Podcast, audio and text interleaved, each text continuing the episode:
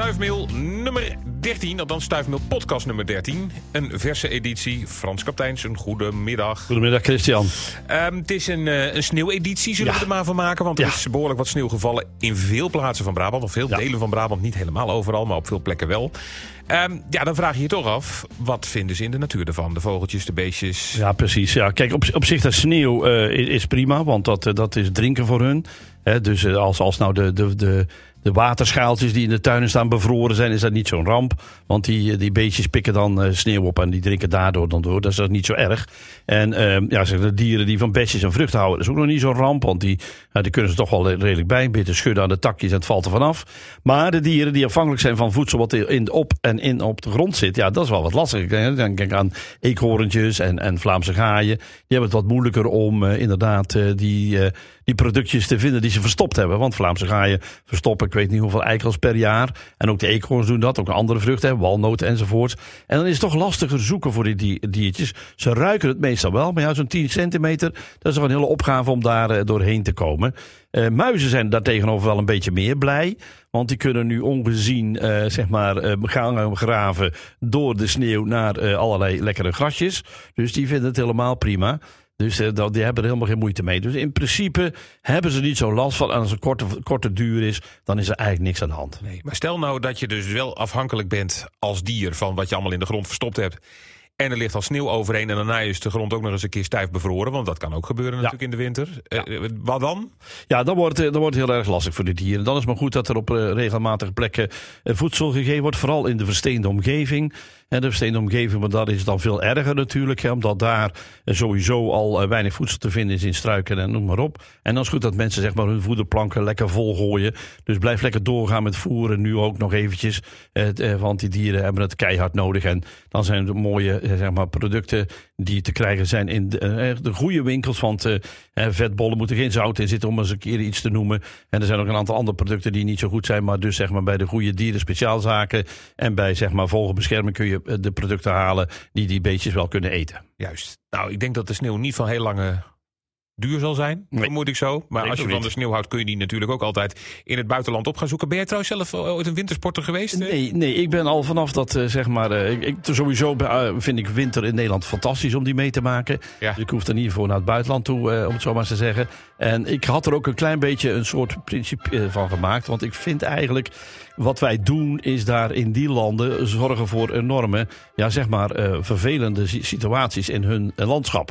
Het landschap wordt daar helemaal afgebroken, omdat massaal mensen gaan skiën. Eh, dat betekent dus zeg maar hellingen worden vrijgemaakt van, van bomen. Want anders kan je niet eh, makkelijk met je ski vooruit natuurlijk. Nee. En eh, dat betekent in, de, in, in, zeg maar in het voorjaar en in de zomer, als er dan grote massale regenbuien gaan vallen, en die gaan er nu meer vallen vanwege dus het opwarmen van de aarde. En ik heb vorige keer ook al verteld van, doordat het aarde warmer wordt, gaat er meer water verdampen, komt in de dampkring terecht en valt dan massaal naar beneden toe. Wat gebeurt daar? Grote modderstroom. En als je dan terugkijkt naar wat er in Zwitserland en Oostenrijk de laatste jaren gebeurt, dorpen die helemaal volgespoeld worden met modder. En mensen die moeten vluchten voor zeg maar lawines van modder in, in dit geval. Dus in die zin heeft de, zeg maar de ene kant hebben ze in, in Oostenrijk en, en Italië en in, in Zwitserland hebben ze een stukje economische gewin. Nou, een stukje. zijn gebieden, daar leven ze er echt van. Ja, precies. Maar de- ondertussen gaan onder, ondergraven ze hun eigen zeg maar, overlevingskansen. Oké. Want het wordt steeds sterker daar.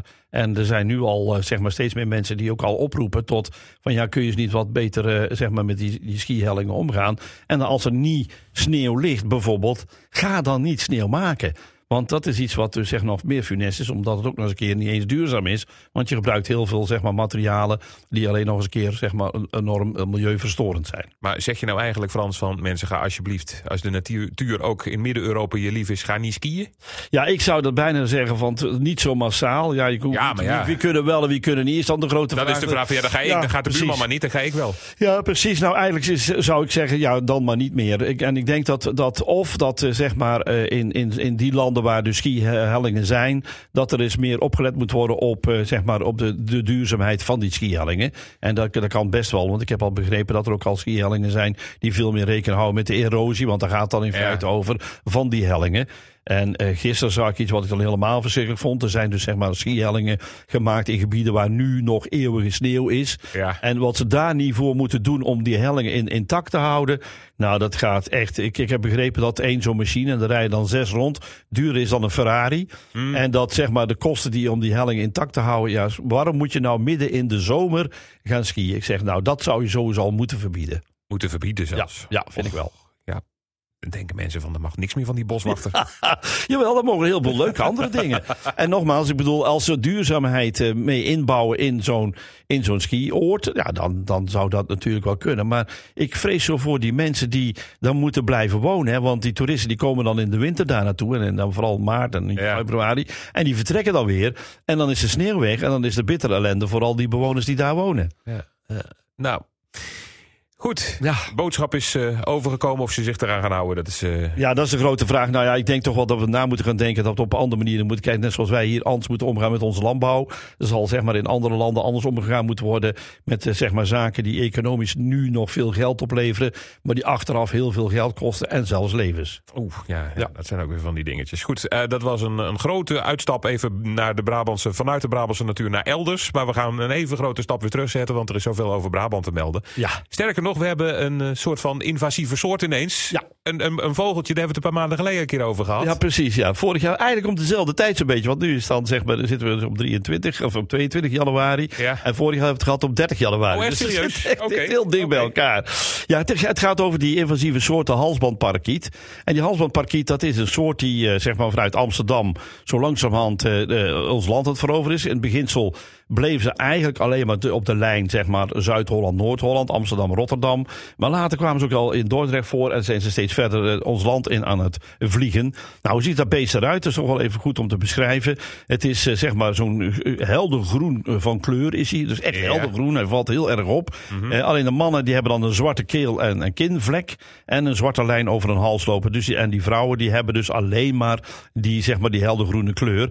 Eh, maar je hoeft ze niet alleen maar te herkennen aan de kleur. Je herkent ze ook wel aan enorm geschreeuw wat ze zich voortbrengen. Ja, ja. Want het zijn echt dus eh, parkieten die behoorlijk luidruchtig zijn. En ehm, in grote groepen eh, liefst bij elkaar slapen. Nou, oorspronkelijk ehm, ging het erover dat ze in feite dan maar in die lijn zeg maar Rotterdam, eh, Amsterdam bleven. Maar nu krijgen we steeds meer meldingen ook vanuit Brabant dat ze ook gezien worden.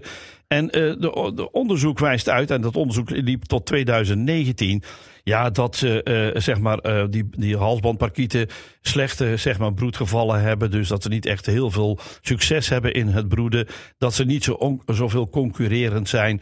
Maar dat is tot 2019. Als we nu al nadenken dat ze dus al verder Nederland in het komen zijn. Ja. En Marijn van Driel heeft dus al gemeld en gezien in het Leipark in, in, in Tilburg. Er zijn ook al meldingen vanuit Veldhoven, vanuit Diezen. Ja. Kortom, Brabant wordt zo langzamerhand ook met die beestje bezet. Dan denk ik dat het onderzoek goed is om een keer opnieuw te gaan doen. Of ze niet wel nu op dit moment lastig kunnen zijn voor soorten als spechten, koolmezen en andere holtebewoners. Zoals wij onze holtebewoners noemen. De, de, de koolmezen, de spechten, de duiven enzovoort. Ja, eh, als je even op het artikeltje kijkt, de link die zit in de beschrijving van deze podcast, dan kun je kijken of je hem toevallig al in Ja, de precies. buurt hebt ontdekt. En laat het vooral even weten, want we willen het weten. Ja, we willen graag weten. Dus hoe, waar, waar je zo'n halsbandpakiet ziet, meld het even naar ons toe. Stuifje.omroepbrabant.nl. En dan gaan we eens kijken of we die wat nader onderzoek kunnen gaan doen. Of het onderzoek gaan, eh, laten gaan starten door vogelbescherming bijvoorbeeld. Een ander beestje waar je graag over wilde praten is een hele bijzondere muizensoort. Ja, er was een, eh, een, eh, ja, dat is wel heel grappig. Er was in, eh, de, bij de familie Kleijs was er een, een, een rosse woelmuis in een eh, eekhoorn voederbakje gaan zitten. Een rosse woelmuis. Een rosse woelmuis. Ja, dat is echt een fantastisch leuk diertje.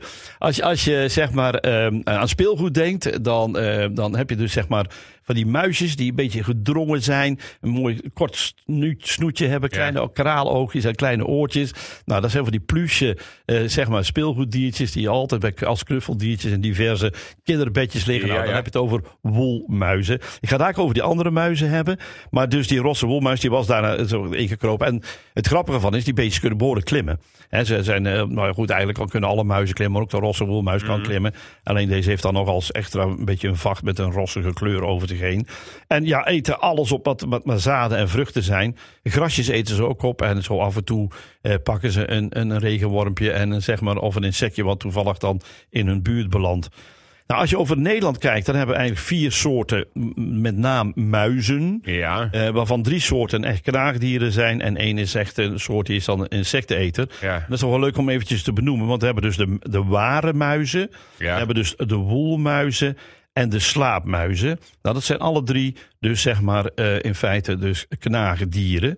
Dan hebben we ook nog eh, de soort die heet eh, de spitsmuizen. Ja. Maar dat zijn dus insecteneters. Nou, die slaapmuizen, daar kennen wij wel in Nederland, maar die komen alleen maar voor in Zuid-Limburg. Dat is de hazelmuis en de eikelmuis. Ja. Ik heb een heel mooi filmpje van de hazelmuis op de website gezet bij Omroep Brabant onder Stuifmeel. Dan kun je eens even zien Zoek hem hoe zo'n diertje eruit ziet. En ja, als je dan wat verder op internet gaat kijken, kijk eens verder, want dan heb je af en toe een slapende eikelmuis. Nou, dat lijkt net of er een mens in een net ligt. Nou, slapen. inderdaad, ja, ja. Want die knorren behoorlijk. Dat is, dat is niet te geloven. Ja, en dan terug naar de, de, zeg maar de, de, de, de eerste groep die ik genoemd heb, de ware muizen. Als je echt een eh, eh, vergelijking maakt met een mooie vorm van een ware muis, dan moet je denken aan Mickey Mouse.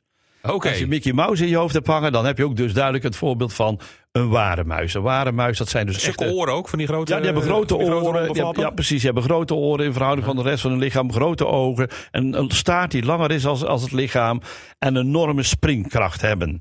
Eh, eh, als wij onderzoek doen naar muizen, dan, en we weten dat er ook zeg maar, daar in die buurt ware muizen zitten, eh, eh, zoals de bosmuis bijvoorbeeld, om een voorbeeld te noemen, dan eh, nemen we altijd een boterhammenzak mee die zeker 60 centimeter groot is. Want als we het een klein boterhammenzakje meenemen, dan springt hij zo uit.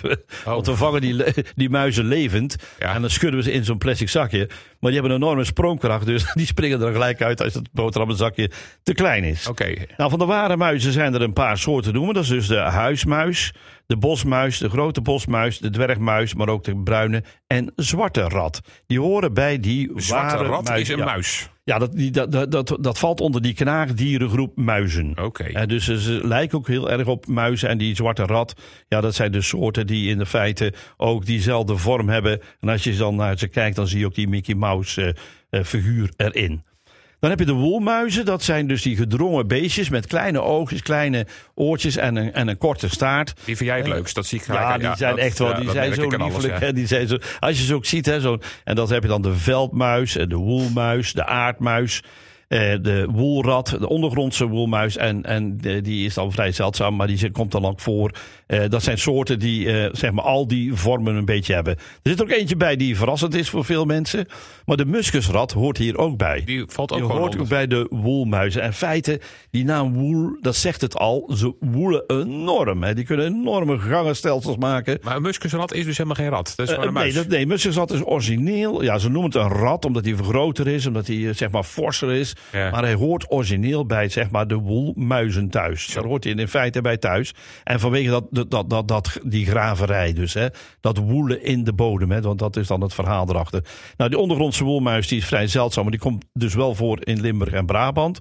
En die eh, zeg maar eh, Noordse woelmuis die komt dan alleen maar voor aan de kust. Dan we tot slot de spitsmuizen, wat dus geen eh, zeg maar knaagdieren zijn. Dus eigenlijk zeggen heel veel mensen, ja, je moet ze dan ook niet bij de muizen rekenen. Bij die andere gro- drie groepen. Maar goed, ze heten muis op de achtergrond. Dus ja, dan, Ja, ja. dan noem je ze toch ook maar in één naam mee. Eh, dat zijn dus echt dan eh insecteneters. En als je een beetje naar zo'n spitsmuis kijkt, dan zie je ook een egeltje erin. Hè, die heeft eenzelfde snuitje als de egel. Met een mooi dopje op zijn neus. Nou, dat, daar, daar lijkt ze heel erg op. Ze doen aan winterslaap als het echt winter is, maar anders niet. Het zijn heel gestreste muizen. Die eh, op de vangroute die wij dan hebben, moeten we na twee uur terugkomen bij zo'n live trap. Want als we dat niet doen, dan kan er best een muis met een hartaanval in zo'n trap liggen. Die, die zijn enorm schrikkelijk, die zijn enorm paniekerig. Dat is echt heel, heel apart bij deze muizensoorten. En ze stoten een hele vieze geur af. Dat sommige roofvogels en uilen, die lussen ze niet. Omdat ze een hele sterke, ja, zeg maar muskusachtige geur hebben. Waardoor de dieren van ze afblijven. Nou, we kennen er een paar in Nederland. De dwergspitsmuis, de bosspitsmuis, de waterspitsmuis. En de veld- en huisspitsmuis. Dat zijn allemaal Zo. prachtige mooie dieren. Dus zeg niet zomaar muis, want er Nee, loopt van alles rond in Nederland. En het meest eh, doorgaans dan, als je daar tenminste iets algemeens over kan zeggen... als mensen een muis in huis hebben, wat is het dan in de regel? Ja, gewoon proberen zeg maar deuren open te zetten, huis, eh, zeg maar. eh, Ja, dan gaat hij er weer uit. Maar wat ja. heb je dan voor muis? Ja, over het algemeen heb je dan een huismuis of een, een, een, een huisspitsmuis. kan ook voorkomen, maar het is meestal een huismuis. Je kunt ook woelmuizen treffen, maar dan woon je wat in het, ja, het achterland. Omdat die wat vaker bij akkers in de buurt zitten. Omdat die dol zijn op zaden. Ehm, en als ze dan binnen zijn, ja, weet je, je kunt ze live vangen en buiten zetten. Ehm, waar je ook goed op moet letten, is dat als je zeg maar aan, je huis of in je omgeving van eh, zeg maar een schuur of iets dergelijks een grote gaten hebt zitten, ja, dan komen ze nog wel heel snel binnen. Eh, in huizen klimmen, dat doen ze meestal niet zo gauw. Wel natuurlijk in schuren en over muurtjes heen, daar klimmen ze makkelijk overheen. En vooral als je heel veel voedsel laat liggen, bijvoorbeeld graanproducten. En als je dus muesli hebt of iets dergelijks, of je, hebt, eh, je maakt zelf eh, met, met, met haver, haverkoeken of iets. Ja, als je dat veel buiten laat liggen, ja, dan ruiken ze op kilometers afstand. En dan komen ze natuurlijk daar naartoe, want dan denken ze, hé, hey, een voedselvoorraad. En vooral die, eh, zeg maar, die bosmuizen. Ja, er zijn soorten bij die, eh, die enorme voorraden aanleggen in, in, in, zeg maar, in hun omgeving waar ze wonen. En als je af en toe een heel klein gaatje ziet in het bos, met een hele hoop zand erbij, groter als dat kleine gaatje, Ja. nou, dan is bijna altijd de bosmuis. Die hebben enorme voorraadkamers. Nou, wat een college over muizen zeggen. We weten alles. En een deel van mijn kennis is nu ook overhoop. Van de muskusrat is een muis en de spitsmuis nou juist eigenlijk niet. Dus, maar Ja, zo, zo werkt het nou helemaal Ja. in, in ons land. Ja, ja, zo is het dan. Nou, we hebben, de- zullen we nog één diertje eh, bespreken? Want Nou ja, de eh, koolmees. Hè. We hebben het over de koolmees gehad. eh, Dat, dat, dat in de winterperiode zijn dat dieren die dus eh, eh, vanwege de koude, maar dus vooral de koude wind, graag in eh, nestkastjes eh, kruipen. Overigens, nu zijn ze heel blij geweest met de sneeuwdek. Want wat betekent dat op hagen? Dat, eh, er blijft een mooie laag sneeuw op die hagen liggen. En dan, ja, dan komt de winter niet zo goed door. Dus dan zitten ze ook met z'n allen in zo'n haag. Maar aan de andere kant eh, is eh, zeg maar duidelijk dat ze dan ook wel in nestkastjes kruipen. Wat onderzoek heeft uitgewezen, en ik wist dat ook niet, maar dat vind ik wel grappig om te vertellen. Want ik dacht eerst dat eh, koolmezen eh, het fijn vonden als ze met z'n allen bij elkaar zaten eh, te hokken. Nou, dat blijkt dus bij heel veel vogels wel zo te zijn. Maar juist bij koolmezen niet. Die pikken dat gewoon niet. Die willen alleen maar in zo'n hokje zitten. En alles wat binnenkomt, dat verjagen ze meteen. Dus dat heeft dat onderzoek uitgewezen. Dat een koolmees, als hij zich terugtrekt in zo'n in zo'n nestkastje, dan verblijft hij daar alleen in.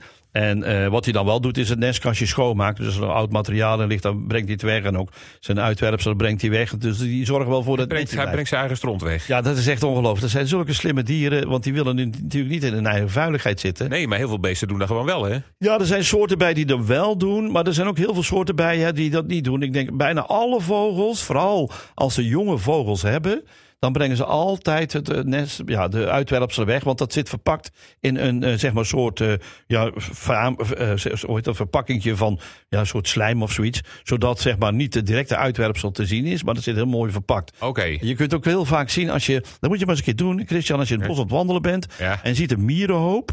Dan moet je maar eens opletten of daar geen spechtenpoepje bij ligt. Dan kun je heel goed herzien. Dat is een beetje een wittig uitgeslagen, klein kort zeg maar keuteltje. Ja. En als je het dan oppakt, dan kun je dat doorbreken. En dan zie je in één keer dat allemaal chitinenpalsters van die miertjes in zitten. Dus daar kun je het ook aan zien. Dus al die beestjes die brengen hun uitwerpselen niet naar eh, zeg maar hun nest toe. Of laten het in hun nest liggen, maar gooien het juist weg. Fantastisch. Mooi hè? Ongelooflijk. Zo netjes zijn. Propere diertjes zijn Ja. het. hè. Nou, we, mogen- we hebben nog net tijd voor één diertje. Als je nog iets... We hebben nog eh, net de tijd ja, één diertje. Nou, dan- nou ja, misschien is dan eh, zeg maar, het leuk om te melden. We hadden nu een, een Turkse eh, zeg maar, reptiel. Had er iemand meegenomen, of tenminste een foto van Iemand gemaakt. heeft een foto toegestuurd. Dat Ja, zie je, die van zie je trouwens dus ook weer in de Carol. Eipelaar, precies, die had dat gedaan. En was uit Turkije. Ja, dat is voor mij lastig, want ik, ik ken niet zo veel zeg maar, buitenlandse diersoorten. Dus ik heb een vriend gebeld om te vragen wat het was. En hij dacht dat het een Syrische hagedis was. Ehm, wat wij kennen in Nederland kennen we wel eh, eh, een aantal soorten hagedissen. Dat zijn dus reptielen. reptielen. En reptielen zijn dus, eh, je hebt dan zeg maar de, de levendbarende hagedis. De, muurhagedis, maar die leeft vooral in, in Zuid-Limburg. De, de, de zandhagedis heb je dan nog. En dan heb je zeg maar de hazelworm. Dat zijn de hagedissen die wij hier kennen. En meerdere soorten hebben wij hier niet. Maar er zijn ook hele mooie diertjes die eh, zeg maar als, als reptiel goed kunnen overleven. En in Brabant hebben we best wel heel veel levenbare hagedissen. Omdat we heide kennen. En dat is het biotoop, oftewel het leefgebied waar ze het liefst voorkomen. Het is weer boeiend. Dankjewel. en alle foto's, alle plaatjes waar, eh, van alles waar we over gesproken hebben... dat zie je dus in het artikeltje waarvan de link in de beschrijving staat. En uh, ik ben heel benieuwd. Je kunt ook reageren trouwens ook via stuifmail.omroepbrabant.nl. Uh, ik ben ook wel benieuwd of mensen nog iets te zeggen hebben... over dat ze niet meer mogen skiën van jou. ja, daar ben ik ook benieuwd naar. Daar ben ik reuze benieuwd naar. Misschien krijg ik wel een heleboel boze brieven. Dat zou kunnen. Maar ik dacht, ik zeg het gewoon toch een keer. Oké, okay, nou, stuifmail en dan mail M-A-I-L op zijn Engels. Stuifmail.omroepbrabant.nl En volgende week dan praten wij weer verder over de boeiende Brabantse en misschien ook wel weer de buitenlandse natuur. Wie. Tot volgende week. Tot volgende week.